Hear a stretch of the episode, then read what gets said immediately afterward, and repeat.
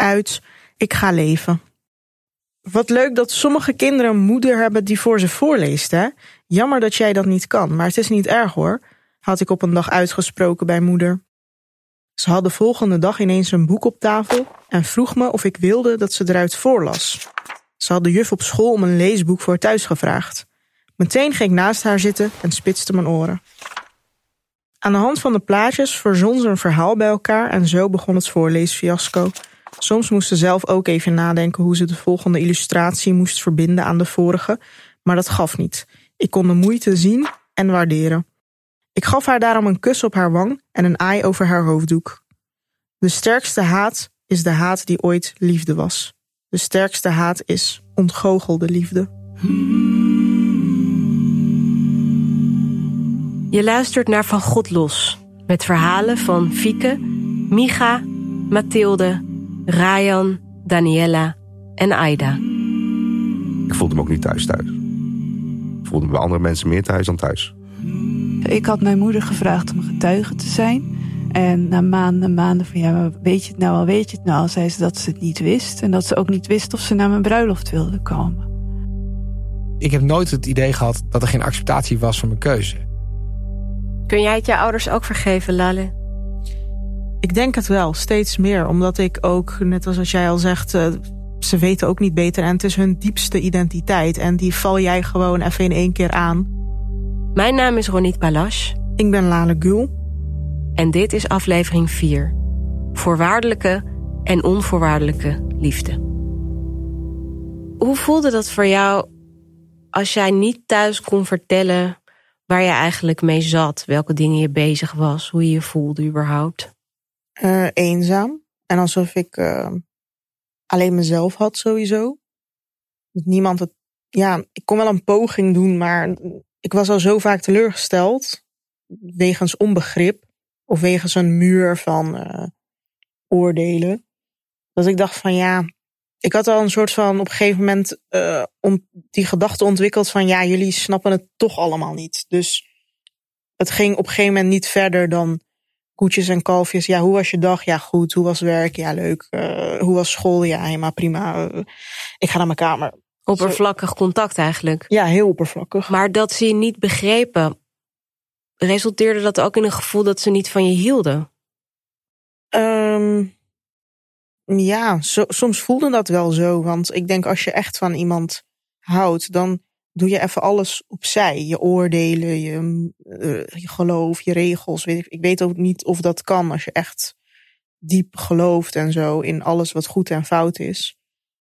Maar ik had altijd dat als ik met een verhaaltje of zo kwam, dan dacht ik van ja, dit, dit verhaal kan ik niet kwijt. Want er is altijd wel iets in dat verhaal wat ik ofwel stiekem deed, ofwel niet mocht, ofwel wat ze niet begrepen. Of weet je wel, iets met uh, onzekerheid, met verliefdheid, met jongens. Met, uh, want dat, dat deed je op de middelbare school. Dat waren de spannende dingen, weet je wel. Uh,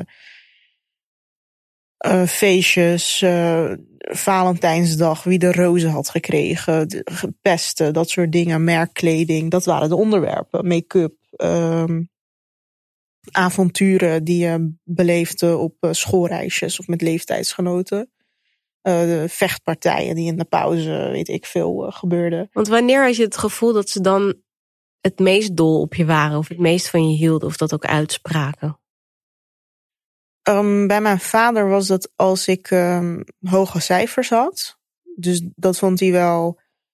Volgens mij was dat een soort van een toppunt van trots zijn, denk ik. Of als ik um, die maand veel inkomen had gekregen door mijn uh, bijbaan bij de Albert Heijn en hem daarmee kon helpen. Want hij had altijd wel iets van geldstress of zo. Dus ik heb hem vaak geholpen daarin. Um, en dat vond hij wel fijn. Dus bij mijn vader was dat het. Bij mijn moeder was het uh, als ik me religieus uh, goed kleden.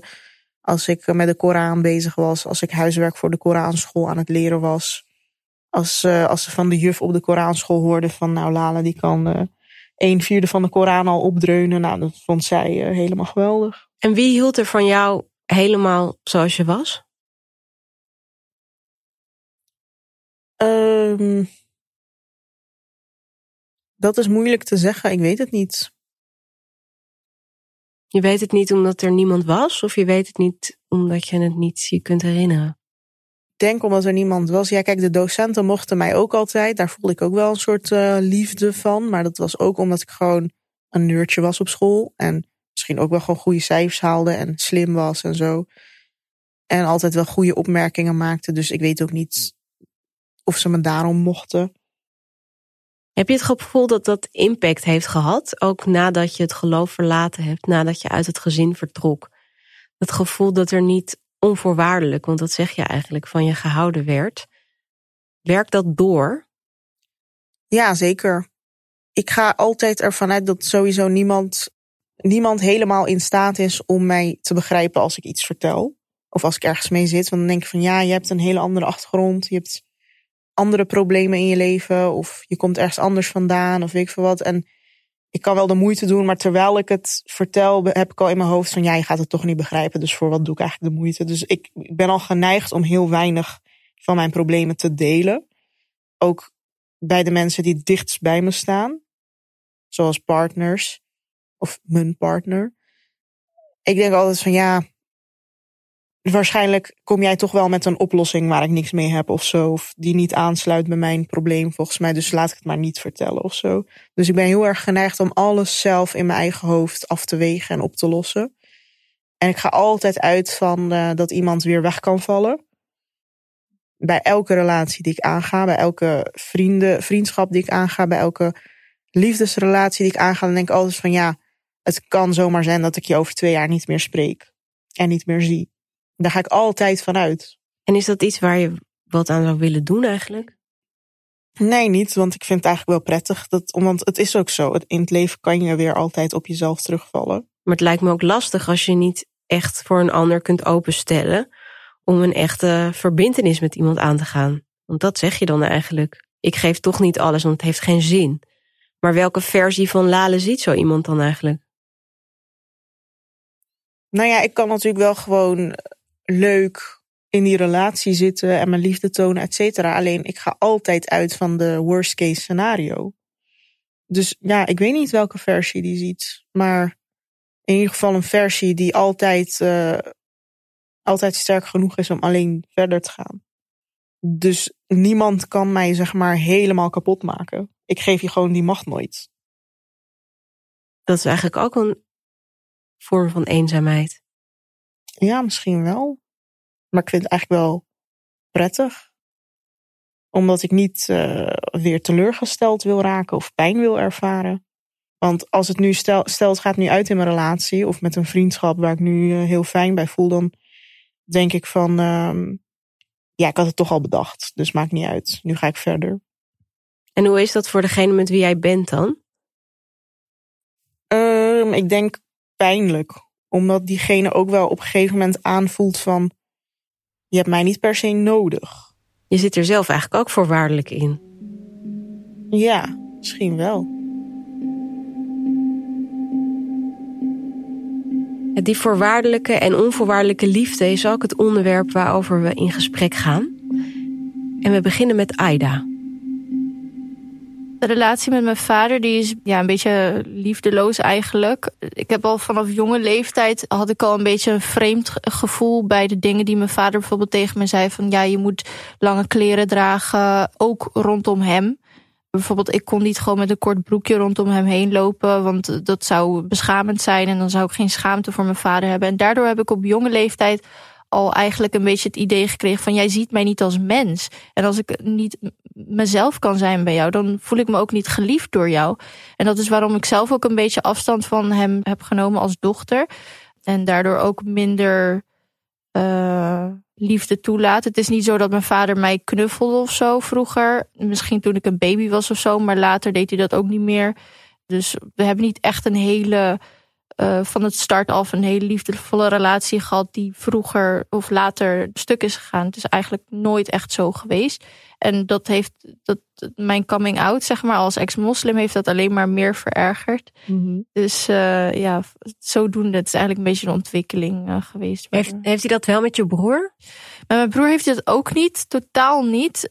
Het is een consistente dat manier van vader zijn. Van zijn persoon. Echt. Ja, dat is echt iets van zijn persoon sowieso. Mijn broer is wel moslim, maar niet de moslim die uh, hij voor zich ziet. Dus zeg maar echt uh, vijf keer per dag bidden, naar de moskee gaan en gewoon een uh, lekker religieus leven leiden. Dat is voor hem, zeg maar, hij zit vast in een dogma van de wereld hoort zo te zijn en mijn kinderen horen zo te zijn. En mijn vader is ook niet echt super intelligent of zo. Dus hij is zeg maar ook wel heel simpel daarin. Dus hij ziet zijn leven ook zo voor zich en zo hoort het te zijn. En het concept van kinderen is voor hem ook heel simpel. Van mijn kinderen moeten zoals mij zijn. Dat is een beetje hoe hij ernaar kijkt. En vind je het nog pijnlijk tegenwoordig of heb je het een plekje kunnen geven? Ik heb het een plekje kunnen geven uiteindelijk. En dat is wel chill, want ik dacht dat ik er echt voor de rest van mijn leven mee zou zitten. Maar de psycholoog heeft heel erg geholpen. Gesprekken erover hebben heel erg geholpen. Praten met vriendinnen die dezelfde ervaringen hebben gehad, heeft ook heel erg geholpen. Bij mij is het bijvoorbeeld het perspectief dat ik van mijn geloof ben afgestapt. Maar dat wel aan mijn ouders heb kunnen vertellen. En dat mijn ouders het een plek hebben gegeven dat komt niet vaak voor. Dat is echt iets wat ik heb gemerkt door verhalen van andere ex-moslim vrienden en vriendinnen. Dat dat heel uniek is. Dat de meesten kunnen het niet eens tegen hun ouders zeggen, want die weten gewoon dat ze verstoot gaan worden. Dus voor mij heeft dat heel erg geholpen om mijn vader uiteindelijk te zien als toch wel iets redelijker. Rayan is zo iemand die zijn familie niet uitdrukkelijk durft te vertellen dat hij geen moslim meer is. Hij is bang voor de gevolgen, bang dat zijn vader de rest van de familie verbiedt om hem te zien. De relatie met zijn moeder is anders. Mijn moeder heeft mij heel veel liefde gegeven. Die heeft ook echt heel veel gevechten voor mij gestreden tegenover mijn vader. Mijn vader kon niet met mij omgaan als puber zijnde. En mijn, mijn moeder heeft altijd aan mijn kant gestaan om mij te verdedigen. Tot de dag van vandaag. Ook wel eens niet over heel veel dingen wellicht niet meer eens hoe ik mijn leven leid. Het is echt mijn moeder die me altijd wil beschermen en altijd aan mijn kant zal staan. Betekent niet dat ze het prettig vindt hoe ik bepaalde dingen aanpak. Dus je hebt je wel heel erg geliefd gevoeld thuis? Of alleen Eh, door je moeder? Door mijn moeder. Door je vader niet? Nee. Nee. Ik voelde me ook niet thuis thuis. Voelde me bij andere mensen meer thuis dan thuis. En andere mensen waren niet islamitische mensen? Klopt. En wat was het dan precies waardoor je je meer thuis voelde bij hen? Omdat ik mezelf kon zijn. En wie is jezelf dan? De kritische denken, vragen kunnen stellen. Geen blad voor de mond. En eigenlijk maakt niet uit wat ik zeg. Ik wil me gerespecteerd voelen. Of in ieder geval geaccepteerd voelen voor, de, over hetgene wat ik, wie ik ben en wat ik op dat moment vraag. En hoe is jullie relatie nu? Eh, sinds we getrouwd zijn, wat beter. Rayans vrouw is geen moslim. Toen ze nog ongehuwd waren, lag hun relatie in de familie gevoelig. Ze besloten in coronatijd snel en ongecompliceerd te trouwen. Puur om hun leven wat makkelijker te maken. De relatie met de familie is sindsdien verbeterd. Maar vooralsnog is het allemaal heel oppervlakkig. En is dat ook zo bij je broer en zus? Ja, ik heb altijd, ook omdat ik nooit de inhoud in kon gaan of nooit, nooit maar echt mijn emotie mocht tonen thuis. Oftewel, ik mocht nooit niet zijn wie ik was. Werd alles heel erg oppervlakkig. De relaties worden oppervlakkig, want ik kon niet zijn wie ik ben. En ik kon niet aantonen wie ik, wie ik ben of was. En waar heb je zelf dan die diepere laag geleerd? Ik zag andere gezinnen hoe zij hiermee omgingen. Eh, in andere families, hoe ze met elkaar praten. Hoe ze elkaar onzekerheden eh, naar elkaar uiten. En ik dacht, wauw, dit, dit is wat, dit is wat Zo ik kan nodig het heb. ook. Ja, zo kan het ook. Dit is, dit is eigenlijk wat ik nodig heb. Dat al, alle oppervlakkige. Ik, heb de, ik, ik, ik moet er gewoon helemaal niks En mee. geef eens een voorbeeld van dat oppervlakkige. Hoe gaat zo'n gesprek dan? Je komt daar binnen met je vrouw, je gaat zitten en dan? Ehm, mijn ouders hebben denk ik geen flauw idee wat ik doe in mijn leven. Ik denk als, als, als je kijkt van, van, van tot de 100 procent. Ik denk echt dat mijn ouders misschien 10 procent weten van de dingen wat ik heb gedaan. Buiten de opleiding of twee die ik niet heb afgemaakt. En dat ik naar Curaçao ben verhuisd. Zij hebben geen flauw idee wat voor mooie dingen ik heb opgebouwd op Curaçao. En dat ik bijvoorbeeld twee keer Nederlands kampioen ben geworden met salsa dansen. En dat ik les heb gegeven jarenlang. Al die mooie dingen wat mijn leven eigenlijk echt verbreden. En mijn een fantastisch leven hebben gegeven. Daar heb zij nul weet van. Ook Mathilde had tien jaar geleden zo haar redenen om te trouwen. Dat was een groot drama, eerlijk gezegd. Ja, ik was toen 25. En ik besloot ook om te trouwen, om, nou, omdat we heel veel van elkaar hielden natuurlijk, maar ook omdat ik wilde gewoon zeker zijn dat stel dat er iets met me zou gebeuren, dat mijn vrouw dan degene was die het voor het zeggen zou hebben en niet mijn familie. Ik wilde gewoon echt, ja, echt die, ja, soort van weg op een bepaalde manier. En uh, zij vonden dat heel definitief. Ik had mijn moeder gevraagd om getuige te zijn. Daar kreeg ik eerst geen antwoord op. En na maanden, maanden van ja, weet je het nou al, weet je het nou al, zei ze dat ze het niet wist. En dat ze ook niet wist of ze naar mijn bruiloft wilde komen. En uh, bijvoorbeeld, ze verbood mijn broertjes en zusje, die woonden thuis. Mijn ouders verboden hun om over mijn huwelijk vragen te stellen. Als ik daar was met mijn vrouw, dan uh, mochten ze niks vragen. Dus dat soort dingen. Uh, iedereen die ging huilen. Ik kreeg mails van familie met bijbelteksten wat het niet mocht wat ik ging doen.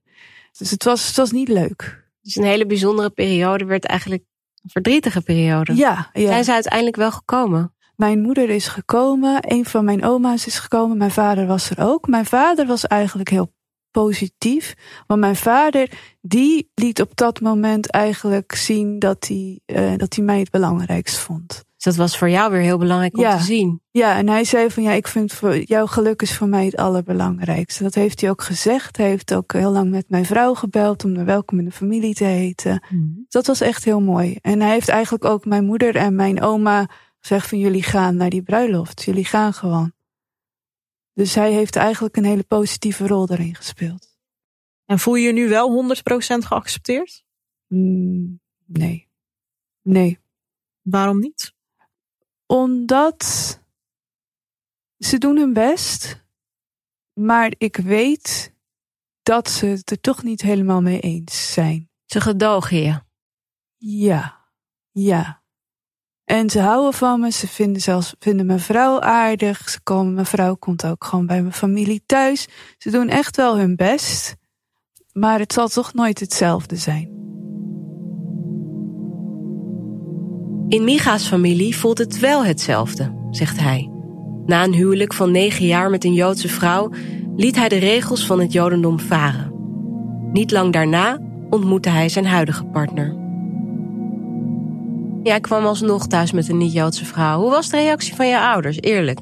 Dat was niet heel onverwacht. Want ik was een tijd lang was ik al wel. Uh, was van God al, los. Of van God los. En, en, uh, en, en ik werd vooral heel zuur ervan. Van, van Jodendom, elke als ik in de synagoge zat. Als ik dan, want ik ging nog wel elke dag. En dan zei mijn broer tegen me. Als je hier echt alleen maar gaat zitten met, met, een, met een kop. Alsof je net een kilo citroen hebt leeggevroten. Kan je dan misschien op zaterdag naar huis gaan. Want dan heb ik, ik heb geen zin hierin. Voor mij hoef je hier niet te zijn. Mijn vader zei precies hetzelfde. Je hoeft hier niet te zijn. Uh, ik vind het leuk als je er bent. Ik vind het fijn ook als je er bent. Maar als je hier alleen maar chagrijnig gaat lopen zijn. En zegt dat je alles verschrikkelijk vindt. En hier ook echt met een, met een, met een, met een, met een zuur hoofd zit. Ga alsjeblieft weg. Dus het was al lang duidelijk dat ik een andere kant op ging. Dus het was ook niet zo'n enorme verrassing. Maar op het moment zelf denk ik dat ze het wel. Ik denk dat het vooral toen we een kind kregen. Dat ze toen dachten: oh ja, hij is echt. Dit, dit, dit is echt. Hij is weg. Nee, niet weg. Nee, nee, niet weg. Hij, dit is echt. Ik was niet weg. Ik ben nooit weg geweest. En ben je je ouders ook niet kwijtgeraakt? Nee, op geen enkele manier. Nooit. Is die band veranderd nadat jij een niet-Joodse vrouw en niet-Joods kind dus? Wetenschappelijk moeilijk om te zeggen uh, hoe het anders was geweest. Ik Heb je er iets van gemerkt in jullie relatie? Nee. Ja, ik weet niet. Ik ben gewoon wie ik ben. En dat is altijd geaccepteerd. En dat vind ik ook een hele... Ik voel me enorm bevoorrecht dat dat zo is. Ik heb nooit het idee gehad dat er geen acceptatie was van mijn keuze. En ik heb aan de andere kant altijd respect gehad voor het feit dat je als ouder best teleurgesteld mag zijn als je kind een ander pad kiest dan wat je zelf had bedacht. Want dat, dat mag je vinden, zolang dat niet met, zolang het niet met oppressie gepaard gaat namelijk. Je mag, best, je mag het best jammer vinden. Daniela groeide net als Micha op in een orthodox-Joods gezin. Na jaren hevige strijd verbrak ze het contact met haar ouders om haarzelf en haar mentale gezondheid te beschermen. Ze kreeg een relatie met een niet-Joodse man, Kees. En Kees was gewoon een hele lieve man. En zijn moeder, die was alleen maar, oh wat leuk, Daan, om jou te leren kennen en een Oh, Joods, oh, fascinerend. Ik vind Jodendom zo interessant, want ik vind dit. Ze was alleen maar positief geïnteresseerd. En dan kwam Kees bij mij eh, een keertje thuis. Nou, dat was eh, echt verschrikkelijk. Hoe ging dat dan? Ja, toen was je ik- durfde hem wel mee naar huis te nemen. Nou, nee. Kijk, ik heb natuurlijk het contact verbroken na de therapie. Nou, toen ben ik met Kees. Niet heel lang daarna is onze verkering begonnen. Toen zijn we gaan samenwonen. En toen op een gegeven moment was ik zwanger. Een aantal jaren later. Na die. Ik moet even afstand van jullie nemen. Want hè, dat. Dus dat wilde ik ze laten weten. Dus toen ben ik met een bos bloemen. Het was Pesach, dus Joodse Pasen. Ben ik met een bos bloemen naar het huis van mijn ouders gegaan. Om ze te vertellen dat ze opa en oma gaan worden. En aan die bloemen had ik een kaartje met ehm gefeliciteerd jullie worden opa en oma. Voor het geval ze de deur niet open doen. Dat kan. En Kees, die zat in de auto met draaiende motor. Dus ik bel aan. En mijn moeder zegt, hallo, wie is daar? Dus ik zeg, Daniela. Nou, duurt even, deur open. Hoe voelde je? Ja joh, bonzend hard. Ik liep daar naar binnen. Mijn vader kijkt me aan. Die zegt, oh je bent zeker zwanger hè? Anders kom je hier nu niet. Nou, dat was zo. Ja, en waar is de vader dan? Die Kees, want ik had een brief geschreven. Ik woon nu samen met Kees en we wonen hier. Zodat ze altijd wisten waar ik was. Vond ik belangrijk. Wat een liefdeloos onthaal. Wow. Afschuwelijk. En het gaat nog verder, want mijn vader gaf Kees een hand, stelt zich voor, of nee, hij, hij zegt voordat ik me voorstel en voordat jij je voorstelt. Wat Hitler de Joden heeft aangedaan is erg, maar wat jullie doen is nog erger, want dit is assimilatie. Mijn naam is, ga zitten jongen, wil je een kopje thee? Nou, Kees stond echt te shaken. Ik zie jouw mond openvallen, of niet? Zo ging het. Zo ging het. En waarom ging je zitten en het kopje thee drinken? Ja, wat moet je dan? Ik wist gewoon niet wat ik moest doen. Ik was helemaal, ik was overdonderd. Ik was echt helemaal. Als ik het nu vertel, zit ik weer te schudden. En was je verbaasd? Nee, Vooral beschaamd, denk ik. dodelijk beschaamd. De schoonmoeder die mij met open armen ontvangt. En mijn ouders die hem zo ontvangen. Zoals mijn schoonmoeder zo mooi zei: Mijn kind is wel de hoofdprijs. En dat is natuurlijk zo. Haar zoon is toch de hoofdprijs. Voor mij. Andersom ook. Maar heel gênant. Maar daarmee is ook meteen de eerste nagel aan de doodskist van het huwelijk gelegd, natuurlijk. Want jullie zijn uit elkaar gegaan. Ja, nou wel 14 jaar later. dus er- daar, is, daar zitten ook weer andere eh, redenen voor. Maar ik denk echt dat mijn ex echt veel te verduren heeft gekregen. In de constante oordelen over het feit dat hij niet joods was. En daar kon hij dus niks aan doen. En heb jij wel zo'n oordeel over hem gehad? Stiekem? Nee, natuurlijk niet. Nooit niet. Hij is gewoon mens. Nee. En ik heb wel oordelen gehad over hoe bepaalde dingen tussen ons zijn gegaan. Dat ik dat gewoon niet fijn vond. En hij andersom naar mij. Want anders ga je niet Maar uit nooit elkaar. omdat hij niet Joods was. Nee. Weet je wat de wereld op zijn kop heeft gezet voor mij? Dat ik dacht altijd in de Joodse traditie. Warmte, grote gedekte tafels, veel mensen. Je bent altijd veilig, je bent altijd thuis. Alle schaapjes kunnen uitvliegen en weer terugwaaieren. En iedereen is er voor je. No matter what. Hmm. En wat zie ik nu gebeuren? Mijn kinderen hebben dat, maar aan de andere kant. Aan de Gooise kant.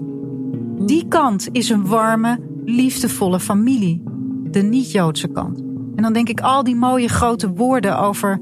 al die oordelen over niet-Joodse mensen. Deze mensen zijn een warme familie. Voor mijn kinderen. Voor onze kinderen. Dus mijn kinderen hebben gelukkig wel wat ik graag had gewild. Alleen niet aan de Joodse kant. Even terug naar Mathilde en de huwelijksdag, die zoveel minder feestelijk werd dan ze had gewild. Hey, ik vond het heel interessant dat je zei van ehm, ze waren op zich wel naar mijn bruiloft gekomen, maar het was eh, al om te zien dat ze ja, niet echt accepteerde. Ja, Je werd gedoogd. ja. Dit herken ik heel erg van de berichten die ik krijg, maar ook uit mijn eigen situatie. En ik zit me dan altijd hardop af te vragen van, maar ik heb volgens mij liever dan gewoon afstand en geen contact en verstoting, of hoe je het ook wil noemen, dan dat iemand negatief zit te doen op mijn eigen bruiloft, potverdorie. Of met andere dingen. Dat ik de hele tijd lange gezichten moet aanzien, omdat ze er toch zichtbaar moeite mee hebben. Ja. Daar zit ik helemaal niet op te wachten. ja, maar jij bent denk ik heel bijzonder in dat jij heel goed weet wat je wil, hoe je het wil en hoeveel je er bent bereid voor te gaan. En Maar ik zou ook gewoon niet kunnen pikken dat iemand op mijn bruiloft met zo'n gezicht naar mij zit te kijken, omdat hij nog steeds moeite heeft met. nou ja, het is niet per se zo'n gezicht. Bijvoorbeeld mijn oma was er wel, maar feliciteerde me niet. Ja, precies. dan dat niet soort kon. dingen zou ik heel moeilijk vinden. Dan heb ik liever geen contact. Ja, nee, dat, dat, dat kan ik niet. Ik hou ook heel veel van mijn oma. Dus Ja. dat, nee. Dus dat kan jij wel een soort van door de vingers zien, of dat kan je wel een plekje geven. Ja, ik denk dat we allebei ons best doen en dat dat het dan maar moet zijn. Maar ik geloof heel erg in energie. En ook in de berichten die ik krijg. Heel veel mensen die eh, zijn dan niet verstoten, maar ook dan niet helemaal geaccepteerd. En dan bungelen ze ergens tussenin. Maar hebben ze wel constant te maken met die negatieve energie die drukt op hun gemoed. En dat kan ik heel goed begrijpen. Mhm. Ja, dat je denkt, ja, doe dan maar helemaal niet of zo. Maar Nee, dat. dat, dat halfslachtige vind ik, ja, ik zou daar wel moeite mee hebben. Nou ja, ik heb ook wel duidelijke regels. Ik, ik hoef ook sommige discussies niet meer te voeren. Ik heb heel erg. Jij vindt wat jij vindt, ik vind wat ik vind. Mhm. We hoeven het er ook niet meer over te hebben. Dat heb ik meer. Zo heb Ja. ik het gedaan. Maar ik zou denk ik meer kwijtraken door helemaal ze niet meer te zien. Dan door het zo te doen als ik het. Maar als je daar bijvoorbeeld naartoe gaat, pas je je dan nog aan? Nee, Dus, eh, ja, ik ben eerder geneigd om te provoceren dan, dan om. Je Ja. doet geen rok aan als je naar je moeder Nee. op bezoek gaat. Nee, nee. En stel je voor dat ze op een dag zou overlijden, zou je dan naar de begrafenis gaan in de kerk met jouw vrouw? Ik ben naar mijn vaders begrafenis geweest. Maar ik zou niet naar de kerk gaan. Dat was de laatste keer dat ik in een kerk geweest ben. Dat voelde ik toen heel duidelijk. Dus ik zou naar de ceremonie gaan. Eh, ik zou, en daar zou ook nog steeds heel veel godsdienst bij zitten. Dat zou ik doen omdat het mijn moeder was. Maar ik zou niet in een kerk. Nee. Want wat gebeurt er dan als je nog een keer naar de kerk zou gaan? Het voelt alsof ik zo vaak gedwongen ben om iets te doen wat ik niet zelf wil. En om dat dan nog weer een keer te doen, dat, ja, dat is gewoon te vaak gebeurd. Kan je niet meer opbrengen? Nee, ik kan het niet meer opbrengen. Er is al te veel van mij gevraagd. Eigenlijk is er al ver over mijn grenzen heen gegaan door me mij naar die kerk te laten gaan. Terwijl ik eigenlijk niet wilde. Dus dat wil ik gewoon niet meer. Is daarover te praten eigenlijk met je moeder? Begrijpt zij dat je dat zo hebt ervaren? Nee, ze, er is over te praten, maar echt begrijpen doet ze dat niet. Nee. Mijn moeder is niet in staat om echt dingen vanuit mijn perspectief te zien. Ze doet het best, maar dat nee. Nee. Dat kan ze niet. Nee. En is dat denk je haar persoonlijkheid? Of is dat het geloof dat het haar belemmert om zich in een ander te kunnen verplaatsen? Combinatie. Ken je mensen van haar ehm, religieuze achtergrond die dat beter kunnen? Nou ja, mijn vader. Mijn vader kon dat beter. Die kon dat beter zien, ja. Dus, dus in die zin, ja, dat is ook gewoon een deel persoonlijkheid, denk ik. En hoe je gelooft. Ik denk, mijn moeder kan oprecht niet voorstellen dat iemand niet gelooft. En dan, ja, dat meer kan ik ook niet. Dat was toen jij wees naar de mevrouw van het snoepwinkeltje. Ja, en zij is, zij, zij is dat nog steeds. Ja. Ja, en dat. Dus dat, ja, dat, dat, daar, daar, daar moet ik het mee doen. Of niet, zoals Lale zegt, maar ja, dat is een keuze die ik gemaakt heb. Rayan, die je eerder hoorde, maakte dus de keuze om te trouwen om zijn familie een plezier te doen. Ook al wilde hij dat eigenlijk niet. Maar is dat niet voorwaardelijke liefde? Van je Van ouders ouders. richting jou? Tuurlijk. Dat is ook Ja. de reden dat ik het niet wilde. Waarom heb je daar aan toegegeven? Ehm, ik heb een strijd van 20 jaar gestreden. En ik heb eh, van mij doen heb ik mijn best gedaan. En misschien kwam ik ook in de realisatie van wellicht, wellicht moet ik ook iets doen wat ik niet prettig vind voor mijn familie. Misschien moet ik daar iets actiefs aan doen. Zodat ik ehm, wellicht wel een band kan krijgen met mijn familie. Ook al sta ik er niet helemaal achter. Daarbij was trouwen was voor ons ook een, zo'n klein iets eigenlijk. We hadden al een huis gekocht. We zijn al verbonden aan elkaar. Het trouwen is, is niet heel veel meer extra's. Let wel, toen we getrouwd waren, dat was gewoon volle bak hoog. Corona, met de avondklok, met de maximaal twee mensen op bezoek. Dus we zijn gewoon bij de gemeente zijn we getrouwd, zonder feest. Helemaal. Tuurlijk, maar het, het is natuurlijk wel een beslissing. Ja. En jouw initiële idee was: ik ga nooit meer iets doen omdat anderen dat van mij verlangen. En het eind van het liedje is dat je dat toch doet. Klopt. Ben ik dan heel veel beter dan mijn vader? Als ik dan alleen maar, als ik niet van mijn eigen normen en waarden wil afstappen. Want wellicht zijn mijn eigen normen en waarden ook niet helemaal juist. En is het antwoord? Eh, ik denk dat, dat water bij de wijn soms moet doen. Ik Je bent denk- gewoon een heel Hollandse polderjongen. is het Hollands? Polderen? Ja, nee, maar is mijn opmerking Hollands? Nou ja, het is een beetje zo van you win some, you lose some. Ja, precies. En kennelijk is de band met jouw ouders onder bepaalde condities toch heel belangrijk. Als de vraag is, zou ik een relatie willen hebben met mijn vader? Dan is het antwoord ja. Eh, zou ik een relatie met mijn ouders willen hebben? Ja, ik zou daar graag een relatie willen hebben. Het is niet dat ik dat niet wil. Heb ik het op mijn manier proberen te doen? Ja. Heeft dat vruchten afgeworpen? Nee. Dus wellicht moet ik een keer iets anders doen, waardoor ik wellicht wel een relatie kan krijgen met, met mijn familie. Moet ik dan een beetje van mijn normen en waarden dan inleveren? Ja, you win some, you lose some. Daar ben je dus toe bereid. Ja, tot op zekere hoogte. Maar ook niet van harte. Dus je haalt troost uit het feit dat, dat je tenminste niet bent verstoten. Ja, dat niet alleen. Het is ook meer eh, volwassen worden. Aida hoor je hier weer. Ze vertelde haar ouders op haar achttiende dat ze geen moslim meer was.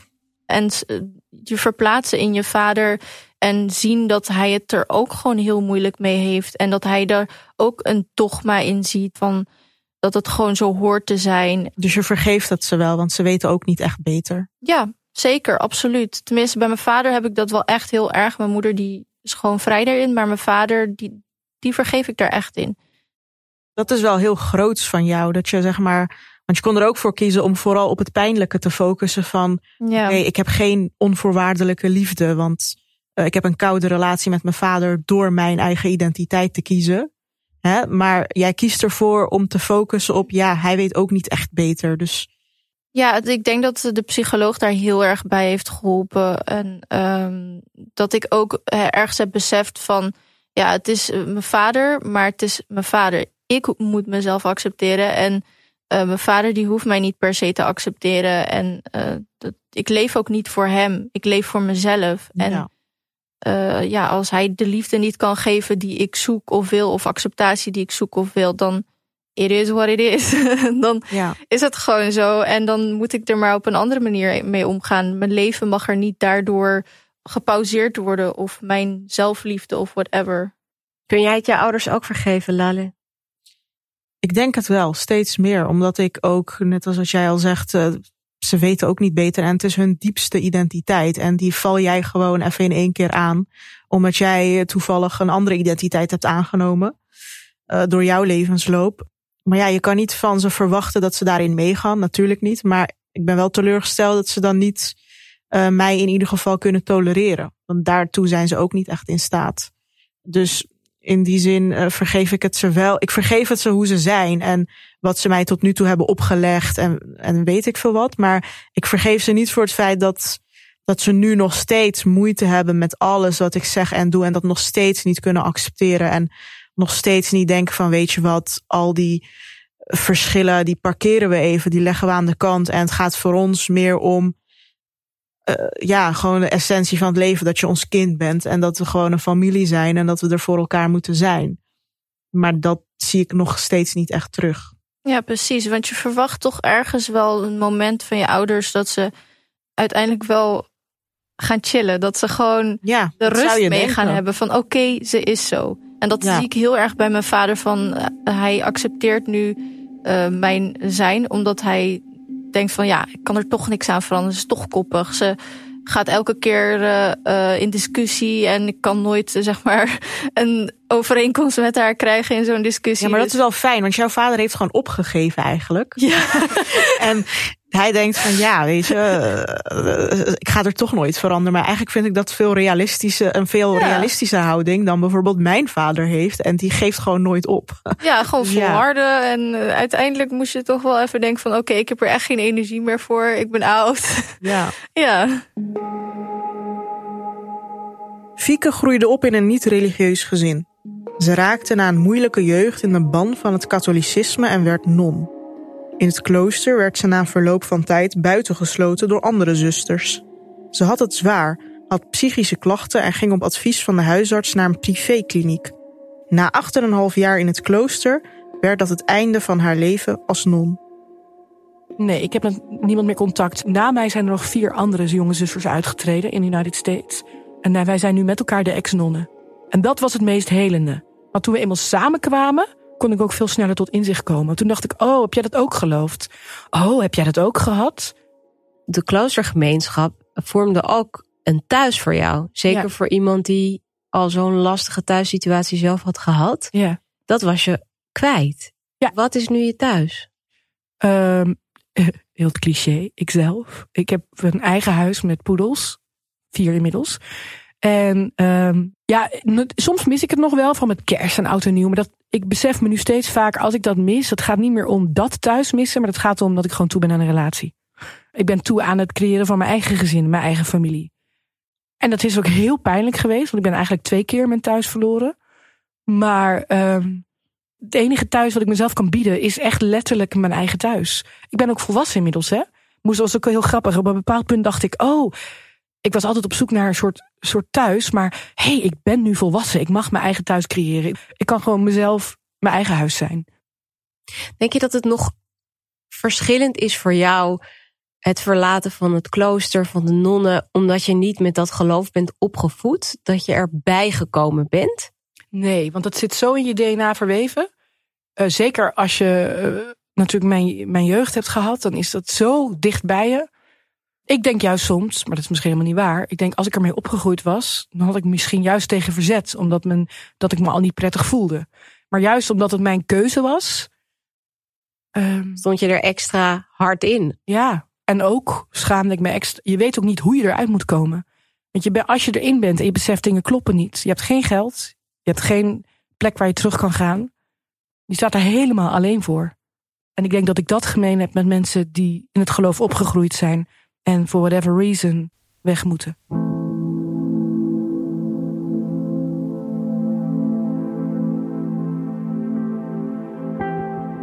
Gun jij jezelf en je ouders een goed einde? En heb je daar alles voor gedaan, voor jouw gevoel? Sorry. Ik gun ons dat heel erg. En ik heb daar heel veel voor gedaan. Maar het is niet. Nee, is oké. Het is niet aangekomen. Ik heb best wel vaak gezegd van joh, we hoeven niet meer naar het verleden, maar laten we in het heden elkaar in ieder geval zien.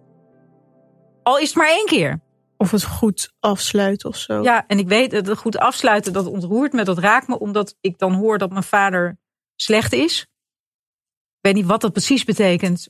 Of die dan volgende week dood kan gaan of over twee jaar. Ik weet het niet. Maar ik weet dat er een eindigheid is op een kortere termijn. En de kans om afscheid te nemen krijg ik gewoon niet. De kans om weer contact te maken krijg ik niet. Ik heb daar ook hulp van gevraagd. Ook van een rabbijn. Die namens mij mijn ouders heeft benaderd. Omdat ik weet dat het geloof en een rabbijn dan nog de meest indrukwekkende boodschap zou kunnen brengen. Mhm. De rabbijn was overtuigd van mijn integriteit. En die heeft ook gezegd: Ik zal namens jou dat verzoek doen. En dat verzoek is gewoon afgewezen. Dus jij stelt nu de vraag: Heb je alles gedaan? Ik weet het niet.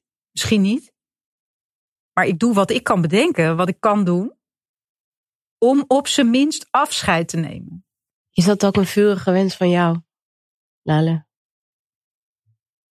Nou ja, kijk, ik vind wel dat als je dingen goed afsluit, dat je elkaar een fijn gevoel gunt.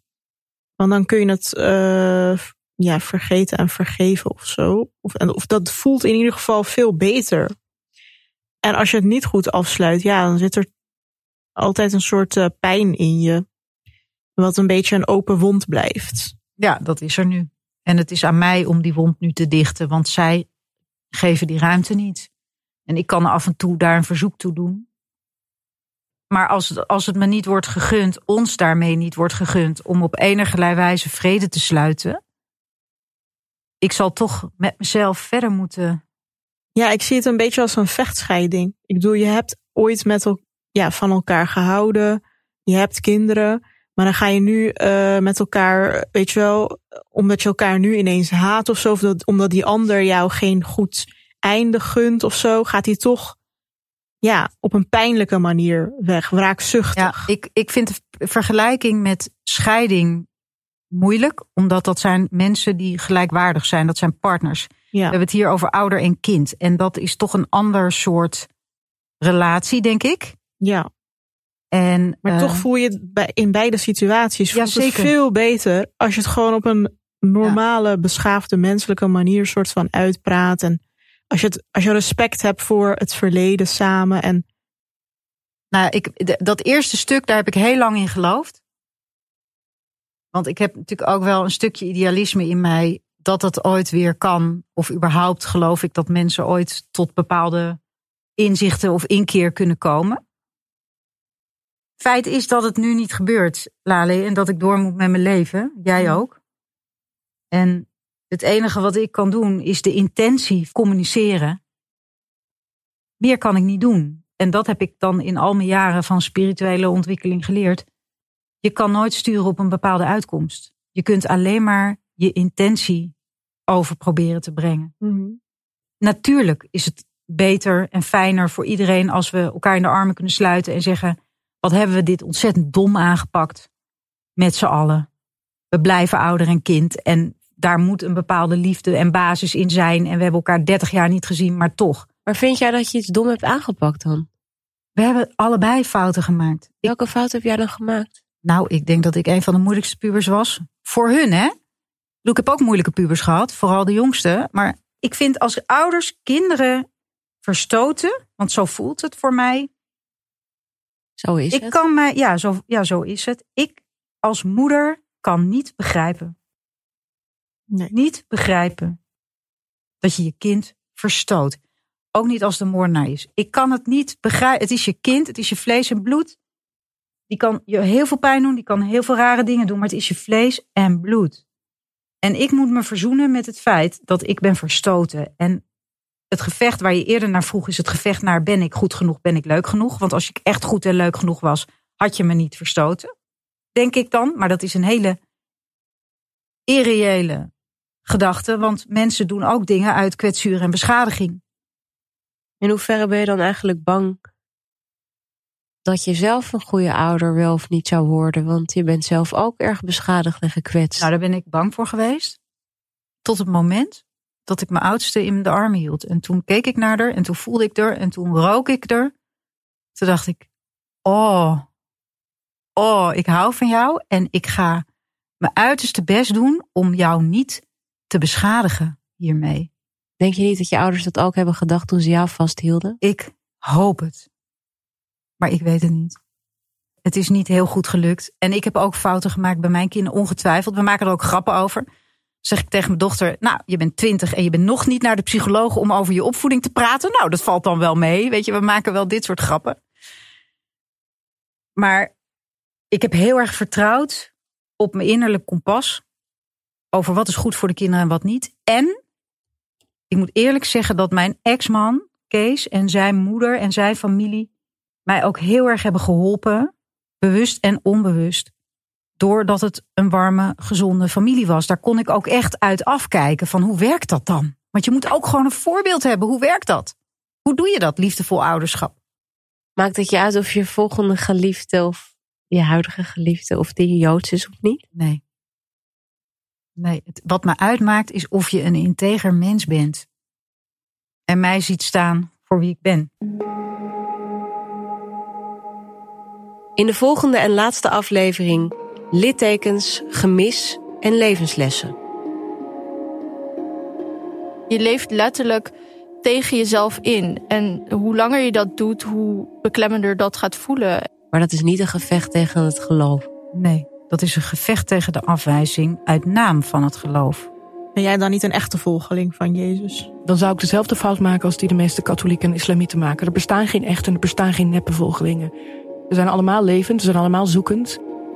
Van God Los is gemaakt door Lale Gul en mij, Ronit Palash, in samenwerking met VBK Audiolab, Cosmos Uitgevers en Audiohuis.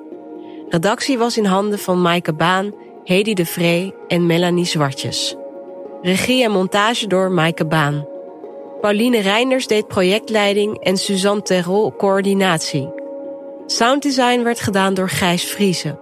En de visuele vormgeving is van de hand van Margriet Ozinga. Dank ook aan Miranda Bruinzeel, Alice van Aarle en Rachel van de Pol. Wil je meer weten over Van God Los? Of wil je ons een bericht sturen? Ga dan naar vangodlosdepodcast.nl. En als je een mooie aflevering vond, laat dan een recensie achter. Dat helpt anderen om de podcast beter te vinden. Dankjewel voor het luisteren.